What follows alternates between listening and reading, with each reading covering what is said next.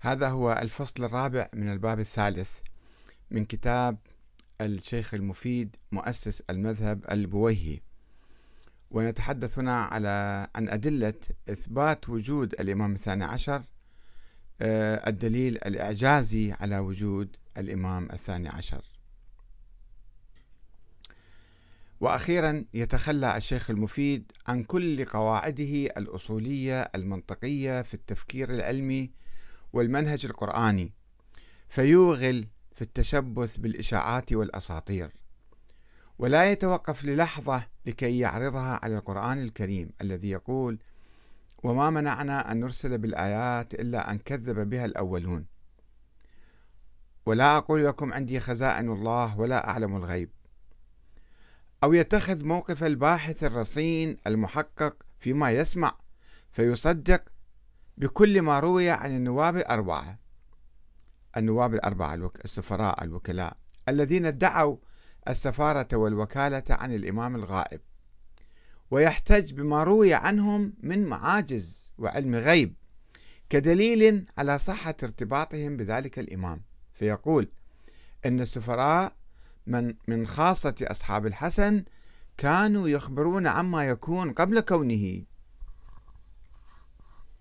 وينقل حكاية عن أحد مدعي الوكالة عن الإمام الغائب تتضمن علم السفراء علم السفراء بالغيب. فيقول أخبرني أبو القاسم جعفر بن محمد بن قولويه عن محمد بن يعقوب الكليني عن محمد بن حمويه عن محمد بن إبراهيم بن مهزيار الأهوازي. قال شككت عند مضي أبي محمد الحسن بن علي. واجتمع عند أبي مال جليل فحمله وركبت السفينة معه مشيعا له فوعك وعكا شديدا فقال يا بني ردني فهو الموت. وقال لي اتق الله في هذا المال وأوصى إلي ومات بعد ثلاثة أيام. فقلت في نفسي لم يكن أبي ليوصي بشيء غير صحيح. أحمل هذا المال إلى العراق وأكتري دارا على الشط ولا أخبر أحدا بشيء. فإن وضح لي كوضوحه كوضوحه في أيام أبي محمد أنفذته وإلا أنفقته في ملذاتي وشهواتي. فقدمت العراق واكتريت دارا على الشط وبقيت أياما. فإذا برقعة من رسول فيها يا محمد معك كذا وكذا حتى قص علي جميع ما معي وذكر في جملته شيئا لم أحط به علما. فسلمته إلى الرسول وبقيت أياما لا يرفع بي رأس فاغتممت فخرج إلي قد أقمناك مقام أبيك فاحمد الله. وفي هذه الحكاية يعترف الوكيل ابن مهزيار بأنه لم يكن يعرف شيئا عن الإمام بعد الحسن العسكري ورغم أنه ابن وكيل وكيل له في الأهواز وأنه فكر بصرف رغم أنه ابن وكيل في الأهواز ما كان يعرف شيء عن الإمام بعد الحسن وأنه فكر بصرف ما لديه من أموال على ملذاته وشهواته.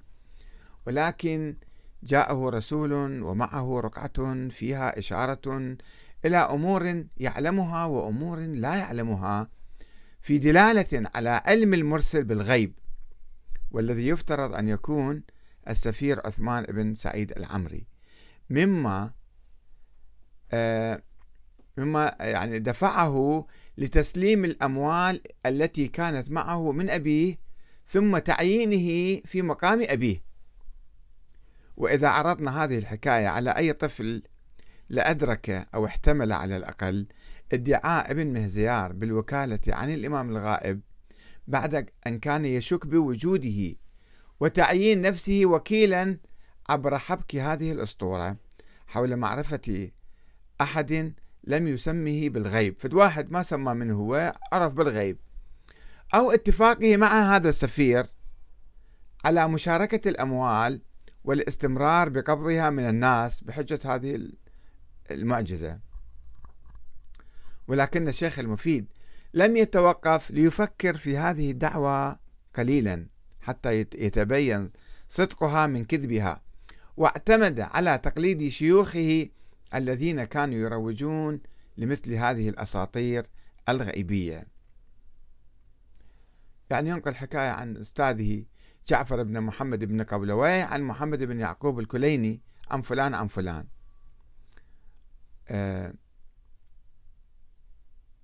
وملأ كتبه الشيخ المفيد ملأ كتبه بحكايات مشابهة عن حوادث فردية علم فيها السفراء.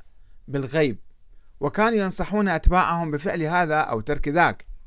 وقال إن الأحاديث في هذا المعنى كثيرة وهي موجودة في الكتب المصنفة المذكورة فيها أخبار القائم. وإن ذهبت إلى إيراد جميعها طال بذلك هذا الكتاب. فأنا أختصر أذكركم فقط بعض الأمثلة. ورفض الشيخ المفيد سلوك طريق العقل والاعتبار في التحري عن سبب الغيبة. وقال إن المصلحة لا تعرف إلا من جهة علام الغيوب المطلع على الضمائر والعالم بالعواقب الذي لا تخفى عليه السرائر فحولها على الله سبحانه وتعالى وهو ارتاح. وفي الحقيقة أن تبرير السفراء أدعياء النيابة الخاصة عدم ظهور ولد مخفي للإمام العسكري تبريره بالغيبة خوفا من السلطات العباسية حوالي سبعين عاما أي بعمر الإنسان الطبيعي في تلك الأيام هذا التبرير انطلع على بعض الشيعة لبعض الوقت ولكن عامة الشيعة بدأوا يرفضون هذا التبرير لسببين. أولا ضعف الخلفاء العباسيين في ظل قيام الدولة الشيعية البويهية في القرن الرابع الهجري. والثاني طول مدة الغيبة أكثر من مئة عام أو بالأحرى عدم وجود مبرر للغيبة منذ أول يوم. لعدم وجود الخوف من الأئمة من الخلفاء العباسيين المتأخرين في القرن الثالث الهجري. نظرا للتحالف الودي بين الطرفين أولا وبدلا من أن يستسلم الشيخ المفيد لمنطق العقل الجمعي هذا راح يكابر ويصر على تبرير الغيبة الطويلة اللامعقولة بشتى السبل ونقل بعض الحوارات التي كانت تجري بينه وبين عامة الناس. فقال إن استبعاد الداعي للحسن إلى ستر ولده وتدبير الأمر في إخفاء شخصه والنهي لشيعته عن البينونة بتسميته وذكره مع كثرة الشيعة في زمانه وانتشارهم في البلاد وثروتهم بالأموال وحسن الأحوال وصعوبة الزمان فيما سلف على آبائه عليه السلام عليهم السلام واعتقاد ملوكهم فيهم وشدة غلظهم على الدائنين بإمامتهم واستحلال الدماء واستحلالهم الدماء والأموال ولم يدعهم ذلك إلى ستر ولدهم. فلماذا الحسن يستر ابنه والظروف لصالحه كانت ومتغيرة؟ وقول الخصوم إن هذا متناقض في أحوال العقلاء. فليس الأمر كما ظنوه. الشيخ المفيد يجي يردهم يرد العقلاء بشيء لا معقول. فيقول فليس الأمر كما ظنوه. والذي دعا الحسن إلى ستر ولده وكتمان أمر ولادته وإخفاء شخصه والاجتهاد في إهمال ذكره بما خرج إلى شيعته من النهي عن الإشارة إليه وخطر تسميته ونشر الخبر بالنص عليه شيء ظاهر. لم يكن في أوقات آبائه عليهم السلام فيدعونه فيدعونه من ستر أولادهم إلى ما ادعاه إلى ما دعاه إليه. وهو أن ملوك الزمان الذاك كانوا يعرفون من رأي الأئمة التقية وتحريم الخروج بالسيف على الولاة. فلما جاز وقت وجود المترقب لذلك المخوف منه القيام بالسيف المترقب يعني قيامه بالسيف ووجدنا الشيعة الإمامية مطبقة على تحقيق أمره وتعيينه. وكما يلاحظ فإن المفيد يحاول هنا أن يفترض إعلان الأئمة السابقين عن مهدوية ابن الحسن وحتمية قضائه على الخلافة العباسية وأن هؤلاء كانوا يترقبونه ويحاولون القبض عليه. العباسيين كانوا خايفين يترقبون ويترصدون وينتظرون هذا متى يجي حتى يولد حتى يقضون عليه. وهذه فرضية وهمية متأخرة لم يكن لها وجود في السابق قبل مئة سنة من تاريخ المفيد. اختلقها أدعياء النيابة الخاصة لتبرير غيبة إنسان لم يولد قط. وبما أن الشيخ المفيد كان يدرك تهافت هذا التبرير وعدم وجود فرق بين ظروف الأئمة السابقين واللاحقين بل إن علاقة الأئمة المتأخرين كانت أكثر ودية وحميمية من الخلفاء العباسيين. وكانوا مع الخلفاء العباسيين. وكانوا يتمتعون بحرية أكبر في الدعوة وجمع المال من الشيعة. كان يدرك هذا الشيء الشيخ المفيد لذلك حاول أن يعزو سبب الغيبة الوهمية. هي ما في غيبة وما في غائب. يعزو سبب الغيبة الوهمية إلى إرادة الله تعالى. فقال ولو لم يكن ما ذكرناه شيئا ظاهرا وعلة صحيحة وجهة ثابتة لكان غير منكر أن يكون في معلوم الله جل اسمه أن من سلف من آبائه يأمن مع ظهوره وأنه لو ظهر لم يأمن على دمه وأنه متى قتل أحد من آبائه عند ظهوره ولم تمنع الحكمة من إقامة خليفة يقوم مقامه وأن ابن الحسن لو يظهر لسفك القوم دمه ولم تقتضي الحكمة التخلية بينهم وبينه.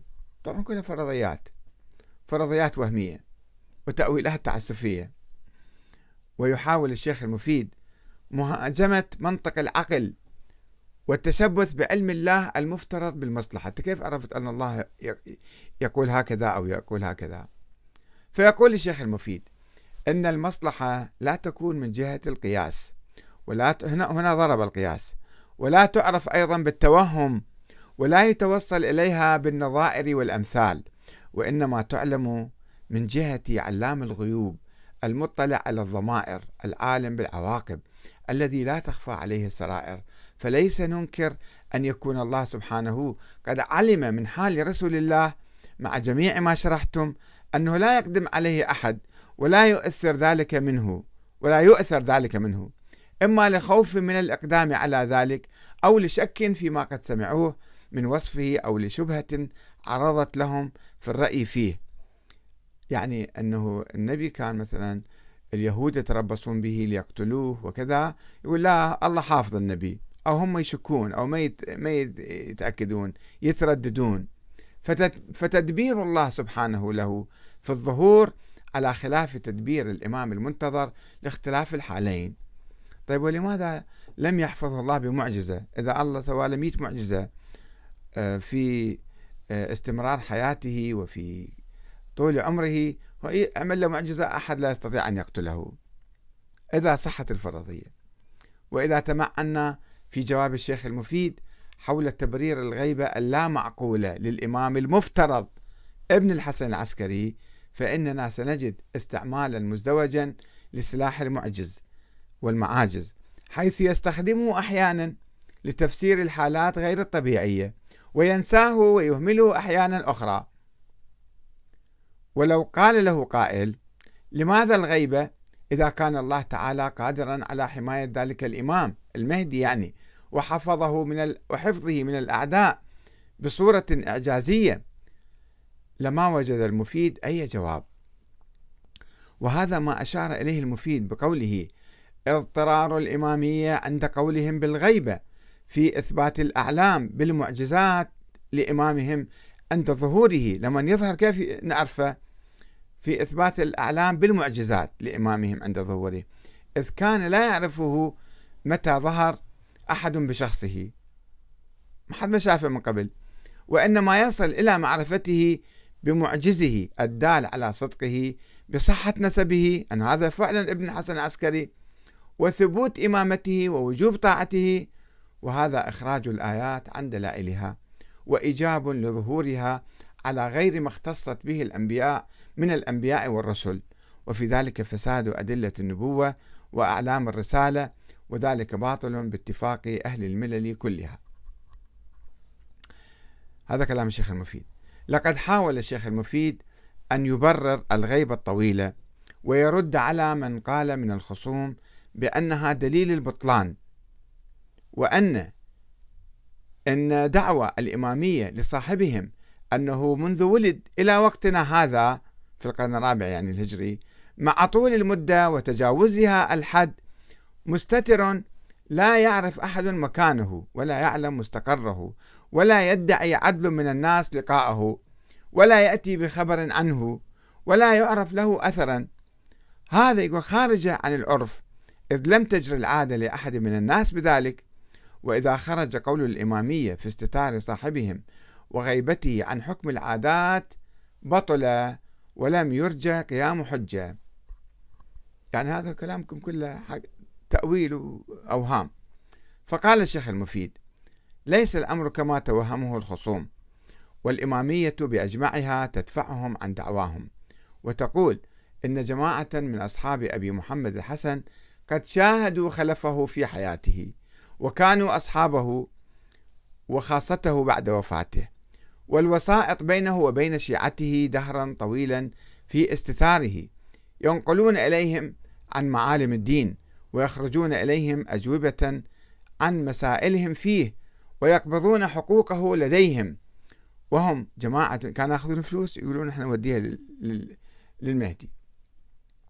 وهم جماعة كان الحسن عدلهم في حياته واختصهم أمناء له في وقته وجعل النظر إليهم في أملاكه والقيام بمآربه معروفون بأسمائهم وأنسابهم وأمثالهم كأبي عمرو عثمان بن سعيد السمان وابنه محمد وبني الرحبة من نصيبين وبني سعيد وبني مهزيار بالأهواز وبني الركولي بالكوفة وبني نوبخت ببغداد وجماعة من أهل قزوين وقم وغيرها من الجبال مشهورون بذلك عند الإمامية والزيدية.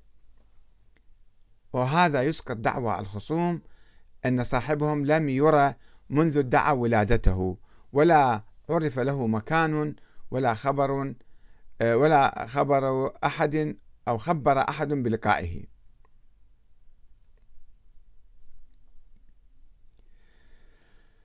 هنا يدعي أنه ناس كثيرون كانوا يعني يعرفونه ومشاهديه. وإذا صدقنا الشيخ المفيد في دعواه في دعواه هذه بمشاهدة رجال كثيرين لابن الحسن الغائب. فلا معنى إذن للغيبة ولا ضرورة لها ولا ضرورة لستر مولده. وإذا كان الأمر كذلك فلماذا أخفى الحسن العسكري أمر ولادته ولم يشر إلى وجوده في وصيته ولم يعرفه أهل البيت ولا عامة الشيعة الذين فتشوا عنه ولم يعثروا عليه؟ ولماذا كان أدعياء النيابة الخاصة الذين استشهد بهم المفيد يحرمون مجرد النطق باسمه أو الإشارة إليه؟ كما يقول أحد أركان الدعوة إلى وجود ذلك الولد بصورة سرية. وهو شيخ القميين سعد بن عبد الله الأشعر القمي في كتابه المقالات والفرق. ليس على العباد أن يبحثوا عن أمور الله ويقفوا أثر ما لا علم لهم به ويطلبوا إظهار إظهاره. فستره الله عليهم وغيبه عنهم. قال الله عز وجل لرسوله ولا تقف ما ليس لك به علم. فليس يجوز لمؤمن ولا مؤمنة طلب ما ستره الله ولا البحث عن اسمه وموضعه ولا السؤال عن أمره ومكانه حتى يؤمر بذلك إذ هو عليه السلام غائب خائف مغمود بستر الله. بل البحث عن أمره وطلب مكانه والسؤال عن حاله وأمره محرم لا يحل ولا يسع لأن في طلب ذلك وإظهار ما ستره الله عنا وكشفه وإعلان أمره والتنوين باسمه معصية لله. وقد رويت وقد رويت الأخبار الكثيرة الصحيحة أن القائم تخفى على الناس ولادته ويخمل ذكره ولا يعرف اسمه ولا يعلم مكانه حتى يظهر ويؤتم به قبل قيامه. هذا سعد بن عبد الله الأشعر القمي في كتاب المقالات والفراق. يقول أنه بهذه الصورة كان مخفي والشيخ المفيد يأتي ويقول لا كان كثير من الناس في مختلف البلاد كان شايفيه وعارفيه وجالسين معه وهذا ما يدل على كذب الإشاعات التي روجها أدعياء السفارة والنيابة الخاصة خلال ما يسمى الغيبة الصغرى عن لقاءاتهم بالإمام الغائب والتي صدقها الشيخ المفيد بسذاجة متناهية أو بتعمد حتى كاد ينفي وجود الغيبة من كثرة تلك الإشاعات. أنا أصلا مو غائب. يجي ويروح ويشوفه ويلتقون به وكذا. وما يشير إليه الشيخ المفيد من أخبار حول الغيبتين الصغرى والكبرى ويعتبرها آيات باهرات في صحة ما ذهب إليه الإمامية. هي الأخبار التي لفقها الواقفية الذين اعتبروا فترة دخول الإمام موسى بن جعفر في السجن غيبة صغرى ثم هروبه من السجن وغيبته غيبة كبرى. فجاء الاثنا عشريون واستوردوا تلك الأخبار الكاذبة وركبوها على الإمام الغائب الذي لم يولد. واعتبروا فترة السبعين عاما التي ادعى فيها النواب الأربعة اللقاء به غيبة صغرى. وما بعد ذلك إلى وقت الظهور غيبة كبرى.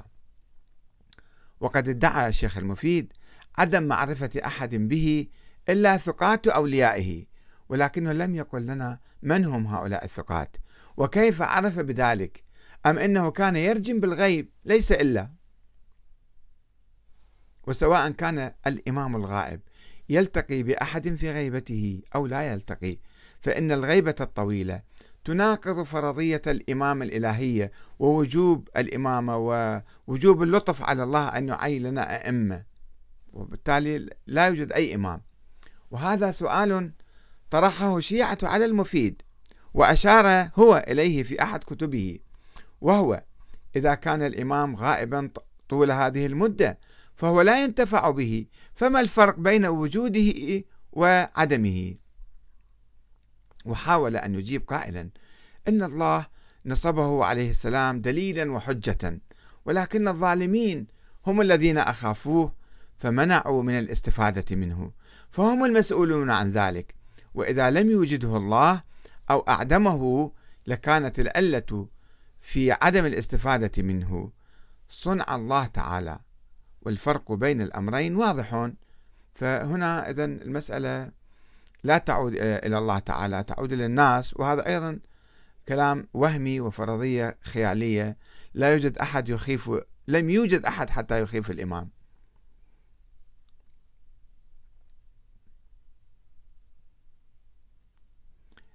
نتوقف هنا. آه، إن شاء الله في ونتابع في حلقة قادمة. والسلام عليكم ورحمة الله وبركاته.